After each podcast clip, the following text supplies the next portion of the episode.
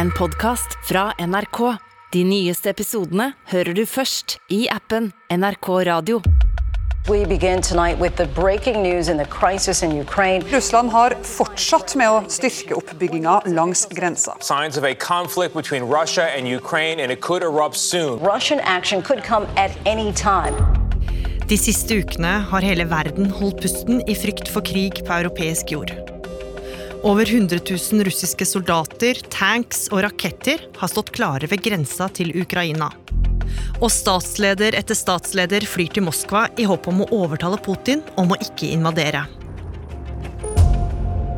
Nå pågår et intenst diplomatisk spill for å hindre krig. Hvordan går de fram? Og kan de lykkes? Du hører på Oppdatert. Jeg heter Gry Veiby. Tidlig i februar så satte Frankrikes president Emmanuel Macron seg på et fly i retning Russlands uh, hovedstad. Han skulle lande i Moskva, for han hadde en plan. Uh, han ville være mannen som skulle klare å overtale Vladimir Putin til å ikke angripe Ukraina. Simen Ekern er NRKs korrespondent i Brussel. Møtet mellom Frankrikes president og Russlands president det handla rett og slett om å hindre krig på europeisk jord. Så hele verden fulgte med fra det øyeblikket da Macron landa på russisk jord. Ja, det stemmer. For Russland hadde jo i månedsvis nå satt opp styrkene sine på grensen til Ukraina. Den russiske styrkeoppbyggingen ved grensen til Ukraina bekymrer. Those allied forces potentially staring down a massive offensive, with as many as 100,000 Russian troops surrounding Ukraine on all sides, according to NATO estimates. For konflikten hadde jo ikke roa seg. Og Russland hadde sendt en liste med krav til landene som er med i Nato-alliansen. Det vanskeligste kanskje var et krav om at Ukraina aldri må bli medlem av Nato. Og for Nato så var det et krav som man på ingen måte noen gang kan akseptere. Fordi man mener at hvert enkelt land alltid må ha rett til å bestemme selv, og, og stormaktene kan ikke bestemme det over på andre land. Og Derfor så var det mange som nå fryktet at Russland skulle angripe Ukraina, at all denne styrkeoppbyggingen var et tegn på det. Ja, så nå hadde Emmanuel Macron bestemt seg for å ta skjea i egen hånd. For det var ingen andre vestlige ledere som hadde reist til Moskva for å møte Russlands president siden konflikten begynte å blusse opp i desember. Og fra flyplassen så bar det inn til maktens kjerne.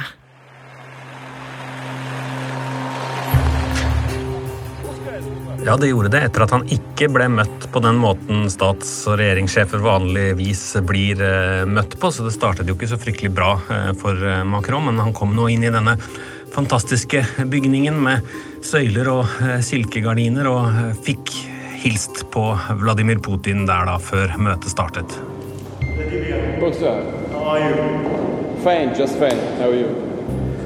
Og så eh, satte de seg ned ved dette veldig lange, hvite bordet som nå har blitt eh, verdensberømt. Eh, mange meter unna hverandre.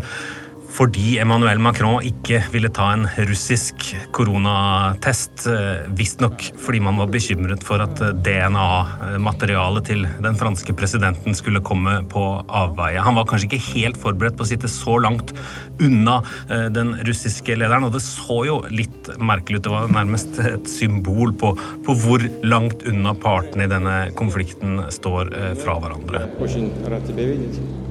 Og etterpå så gikk de da inn i lukkede møter, der samtalene varte og rakk. I fem timer satt de to og snakket sammen. Og Simen, hva veit vi om hva de snakka om?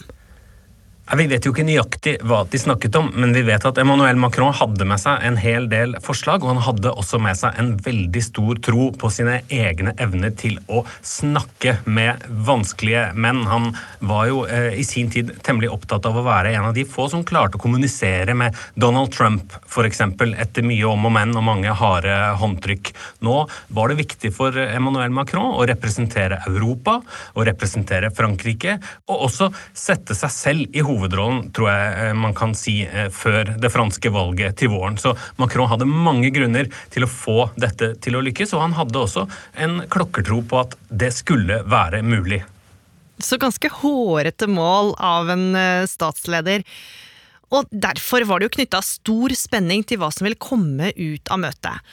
Og rett etterpå så stilte de to statslederne opp på en felles pressekonferanse. Og Simen, hvordan gikk det? Emmanuel Macron han var jo nokså optimistisk, egentlig. Han sa at han hadde fått beskjed om at Russland lovet å ikke være det landet som skulle eskalere denne krisen i Ukraina, og han mente at det målet var nådd.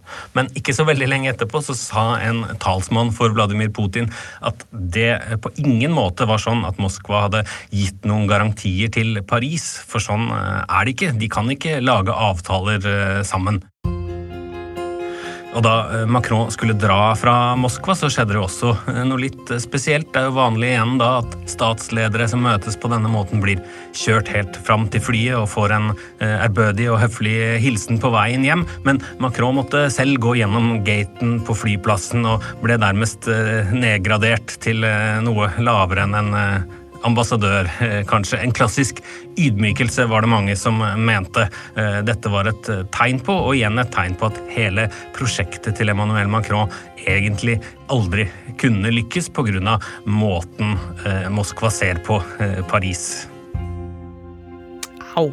Så dette var jo ikke spesielt gode nyheter, for det virka jo ikke som Macrons møte fikk Putin til å rikke. Så nå var det jo helt tydelig at de vestlige lederne måtte gjøre nye forsøk på å snakke med Russland. Så da bestemte den gamle stormakten Storbritannia seg for at de skulle prøve å overtale russerne. Og bare to dager etter at Macron hadde prøvd seg, den 10. februar, så var det duka for en ny flytur til Moskva. Og da var det Liz Truss, utenriksminister i Boris Johnsons regjering, som dro til Moskva for å møte den legendariske utenriksministeren Lavrov. Og hun la seg på en litt tøffere linje når hun skulle møte denne eh, ringreven eh, fra Russland. Budskapet hadde hun tenkt det skulle være strengt. Russland må velge en fredelig vei i Ukraina. Hvis ikke så kommer det til å få enorme konsekvenser i form av vestlige sanksjoner. Det var budskapet, og hun kjørte beinhardt på. Og så gikk de to utenriksministrene inn og hadde et to timer langt møte. By 11, she's crossed the capital to reach the Foreign Ministry house, where her counterpart, Sergei Lavrov, is waiting. The Foreign Ministry warning that her tone needs to change if the meeting she's heading into now is to be productive. Men da de kom ut derfra, så kunne man jo se på ansiktene deres at den russiske utenriksministeren ikke var spesielt blid. Разочарован тем, что разговор немого с глухим у нас получается. Lavrov sa jo her at det møtet de hadde hatt, det var omtrent som en samtale mellom en stum og en døv person.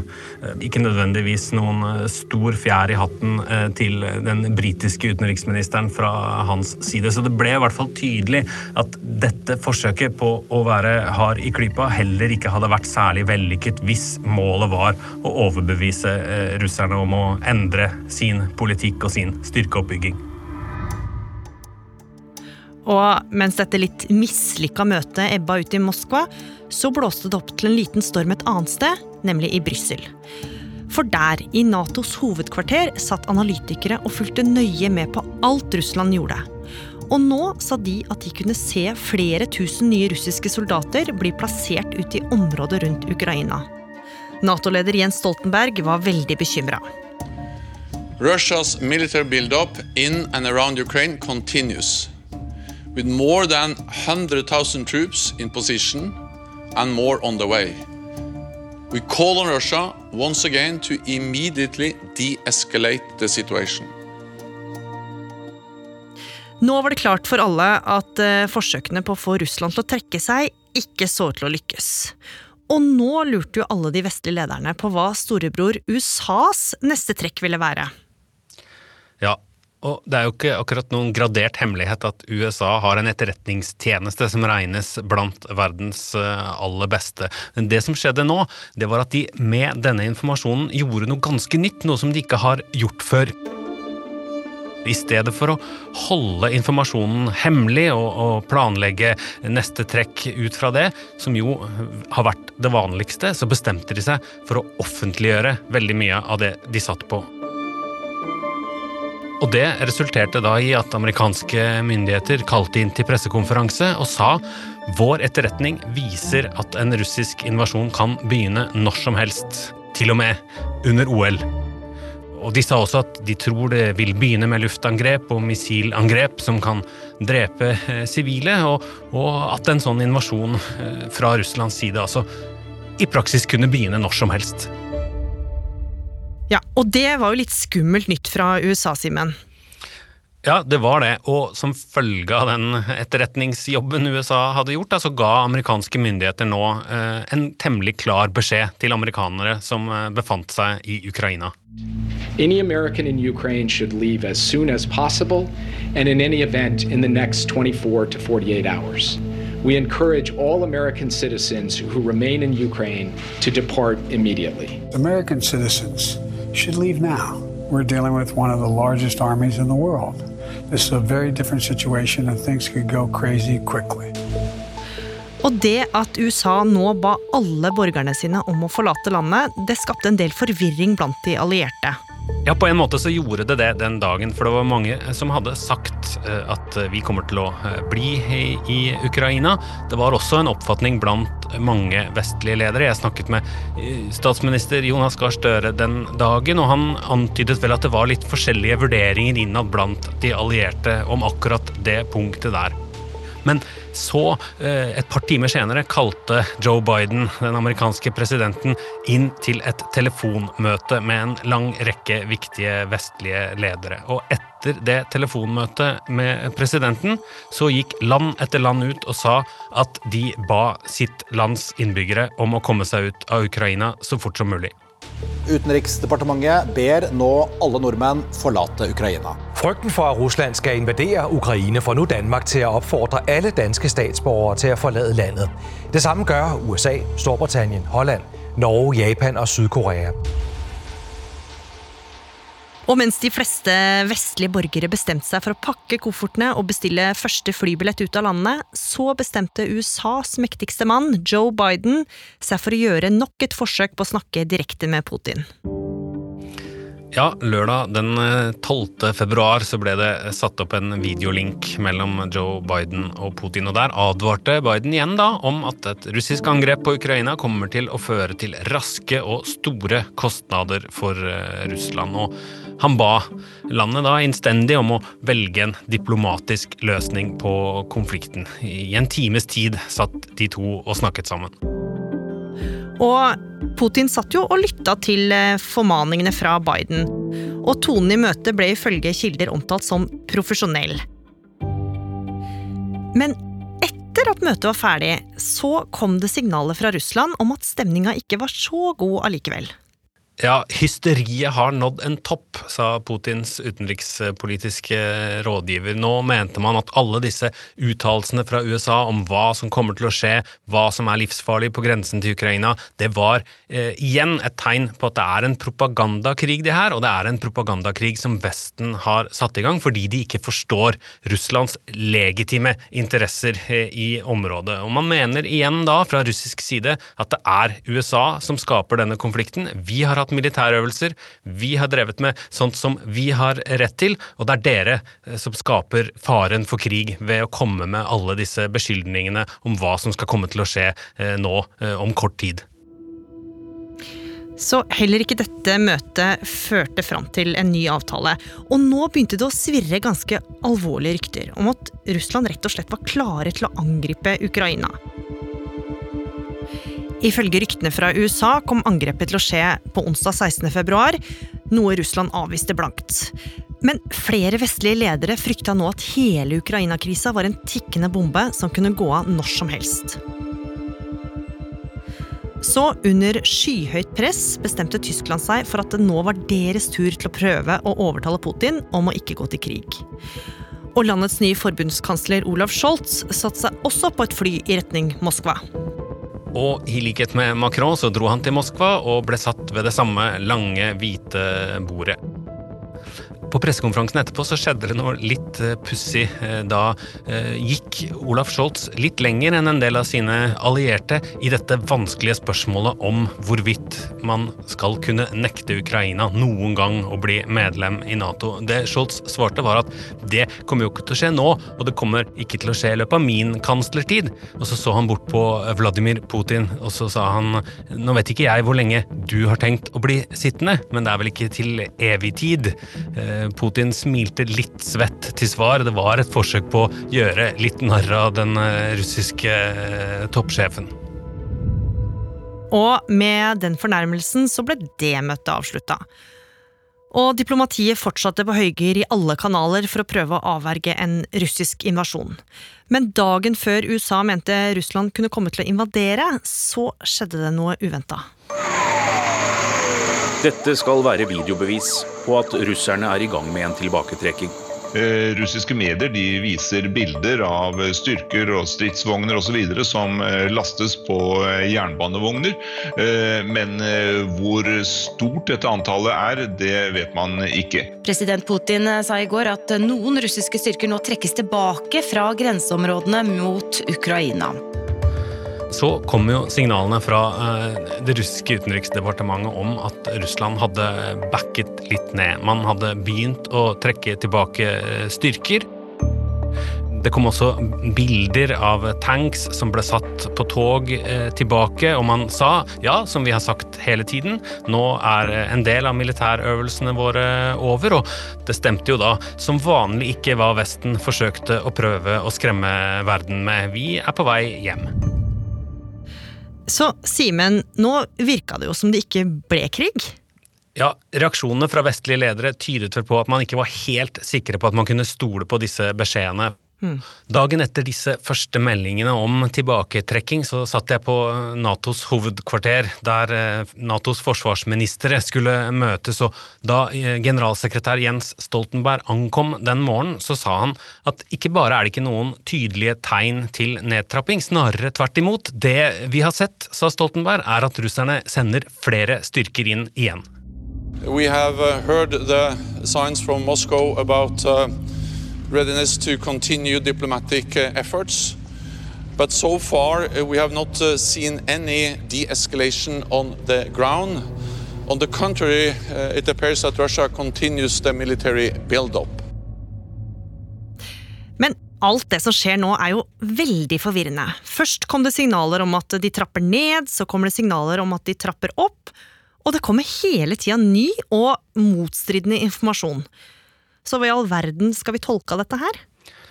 Jeg tror fra Natos side så er det litt sånn som det er å forhandle med Vladimir Putins eh, Russland. Det at noe ser ut som det er slutt og ferdig, betyr ikke at det er slutt og ferdig. Eh, og Derfor så blir dette et spill framover nå, der tilbaketrekninger, tilsynelatende tilbaketrekninger, eh, bytte plass med eh, nye eh, trusler. Dette kommer til å gå videre innover i forhandlingene, og alt kommer til å handle om hva Vladimir Putin er fornøyd med. Hva er et resultat han kan selge hjemme? Hvor langt må vestlige ledere gå i å møte Vladimir Putin på hans kjernekrav, uten å gå på akkord med sine egne prinsipper? Så statsleder etter statsleder kommer flere ganger til å lande i Moskva? Det er jeg ganske sikker på.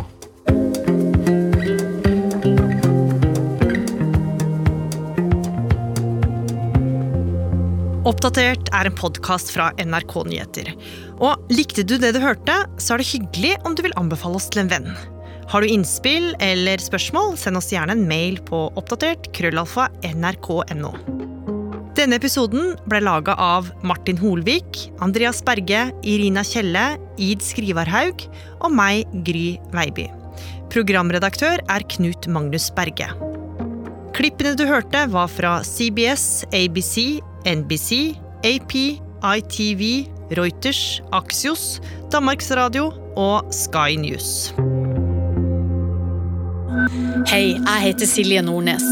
Når det skjer ei ulykke, ringer vi nødtelefonen. Redningssentralen? Ja, Sea King Rogaland radio redningsskøyter har fått problemer. Kan du se det nå? Vi har møtt både de utsatte, pårørende og menneskene i hjelpeapparatet. Pappa lå der, og så plutselig så, så jeg at han ble blå. Bli med og hør hva som skjer når vi er i nød og trenger hjelp. Jeg husker jeg og Sandra ser på hverandre og skjønner at det her gikk bra. da. Vi redda livet hans.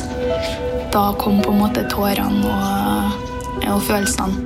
SOS Nødtelefonen sesong 2 med Silje Nordnes hører du først i appen NRK Radio.